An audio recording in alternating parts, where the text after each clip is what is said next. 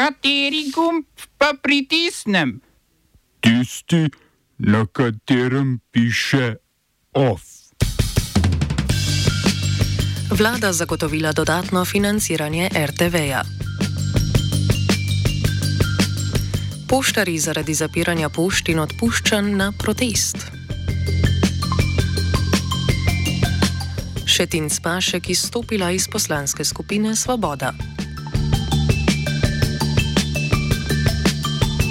Dvodnevno podaljšanje prekinitve ognja v Gazi.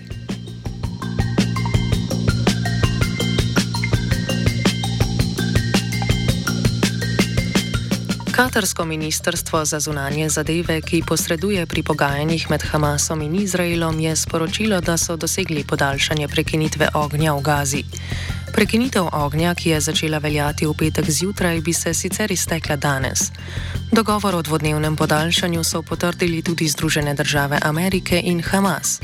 Izraelske oblasti podaljšanja uradno niso potrdile, so pa iz urada izraelskega premijeja Benjamina Netanjahuja napovedali izpustitev 50 palestinskih zapornikov in sporočili, da so od Hamasa prejeli seznam talcev, ki bodo izpuščeni danes.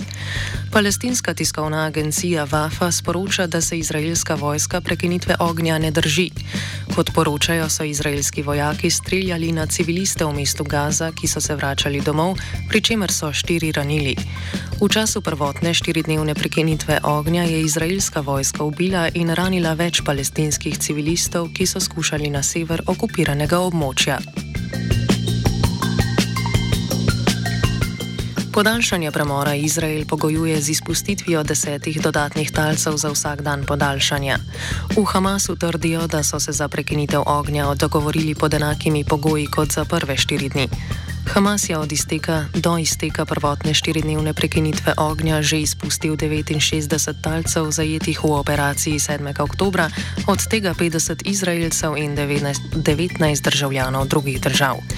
Izraelske oblasti so iz svojih zaporov do včeraj izpustile 117 palestinskih de facto talcev, danes po polnoči pa še 33.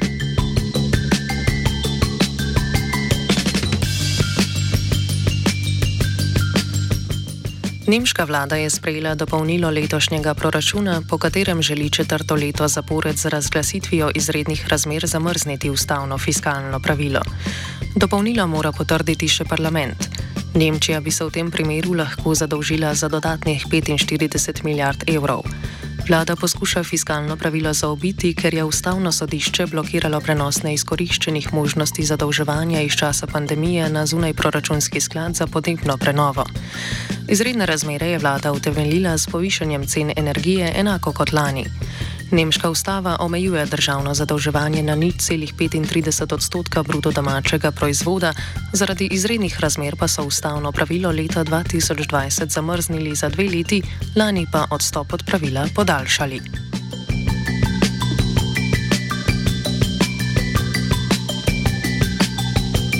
Polski predsednik Andrzej Duda je imenoval novo manjšinsko vlado pod vodstvom Mateuša Morjavjeckega iz stranke Zakon in pravičnost. Moravjecki, ki je 13. novembra odstopil z mesta predsednika vlade v prejšnjem mandatu, bo tako v naslednjih dveh tednih v polskem parlamentu poskusil pridobiti večino. Opozicija, ki jo sestavljajo stranke Državljanska platforma, Levica in Tretja pot, je na oktobrskih volitvah skupaj osvojila 248 od 460 poslanskih mest. V roku dveh tednov bo Morjavjecki moral v parlamentu prestati glasovanje o zaupnici. Duda je do nastopa predsedniškega mandata leta 2015 bil član vladajoče stranke Zakon in pravičnost. Smo se osamosvojili, nismo se pa osvobodili. Naslednje število je še 500 projektov. Izpiljene modele, kako so se strani nekdanje LDS rotirali. Ko to dvoje zmešamo v pravilno zmes, dobimo zgodbo o uspehu. Takemu političnemu razvoju se reče udar. Jaz to vem, da je nezakonito, ampak kaj nam pa ostane? Brutalni obračun s politično korupcijo. To je Slovenija, tukaj je naša zemlja, to je Slovenija, Slovenija, Slovenija. Mojca Šetin Spašek se je odločila za izstop iz poslanske skupine Svoboda. Svojo poslansko pot bo nadaljevala kot samostojna poslanka. Odločitev je utemeljila z besedami, da bo z izstopom vodjo poslanske skupine Boruta Sajovica razbremenila nadaljnega kršanja parlamentarnega poslovnika. Dejala je, da je razlog njene izključitve iz stranke pred dobrim mesecem dni še vedno ni znan. Njeni stop sledi predlogu največje poslanske skupine v državnem zboru, da jo razreši z mesta predsednice parlamentarne preiskovalne komisije, ki preiskuje sume nezakonitega financiranja političnih strank.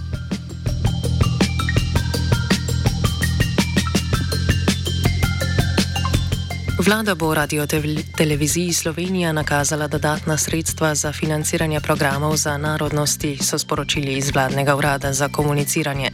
Po neuradnih informacijah televizije Slovenija in portala NN bo finančna injekcija leto znašala 5 milijonov, prihodnje leto pa 10 milijonov evrov, kar je bil tudi predlog uprave.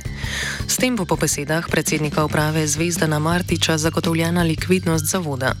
Martič kljub dodatnim sredstvom opozarja, da vse finančne težave še zdaleč niso rešene in da brez dodatne finančne pomoči izvedba programskega načrta naslednje leto ne bi bila mogoča. Finančni primankljaj RTV-ja bi letos brez dodatnih vladnih sredstev po ocenah uprave znašal 10 milijonov evrov in pol. Zaradi napovedanega primankljaja je svet zavoda upravi predlagal preučitev možnosti programskih rezov, kot so ukinitev regionalnih programov RTV Maribor in Cooper ter RTV Orkestra in Big Benda.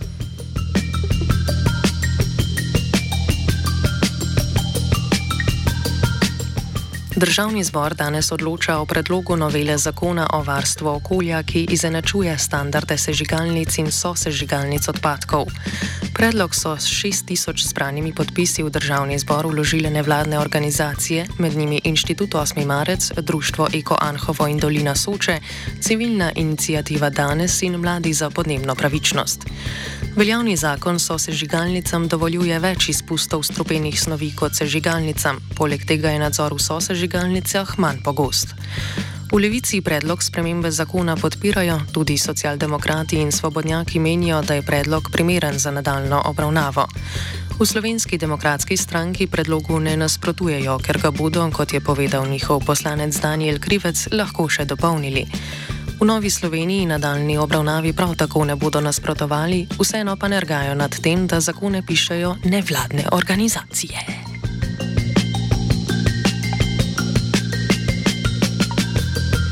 Sindikat delavcev prometa in Zvez pošte Slovenije je danes med drugo in tretjo uro organiziral protestni shod pred poštno-logističnim centrom Ljubljana.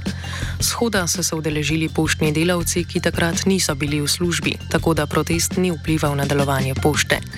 Kot pravijo v sindikatu, ki spada pod okrilje Zveze svobodnih sindikatov Slovenije, protestirajo zaradi zapiranja pušč, zmanjšanja števila zaposlenih in netransparentne komunikacije vodstva pušte.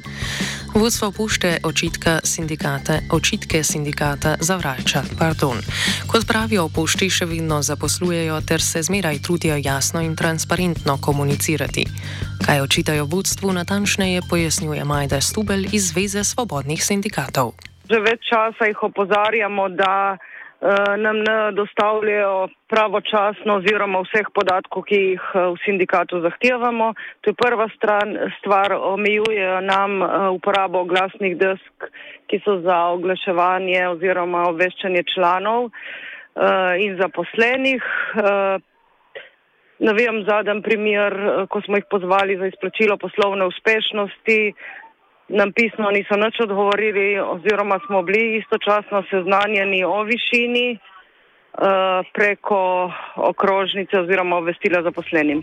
Gre za overjanje sindikalnega dela. Ne?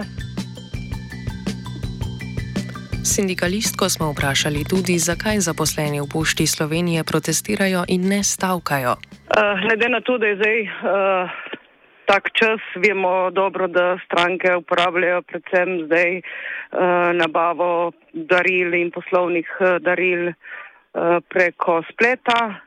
Nismo hoteli, da bojo naši uporabniki zaradi uh, našega nestrinjanja s poslovodstvom trpeli. Na novinarski konferenci mestne občine Ljubljana so predstavili načrt prenove železniškega nadvoza nad Dunajsko cesto v sklopu gradnje potniškega centra Ljubljana.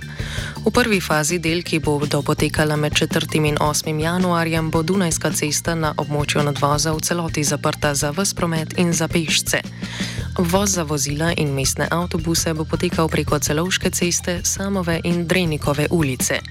Pešci bodo morali skozi podhod na železniški postaji.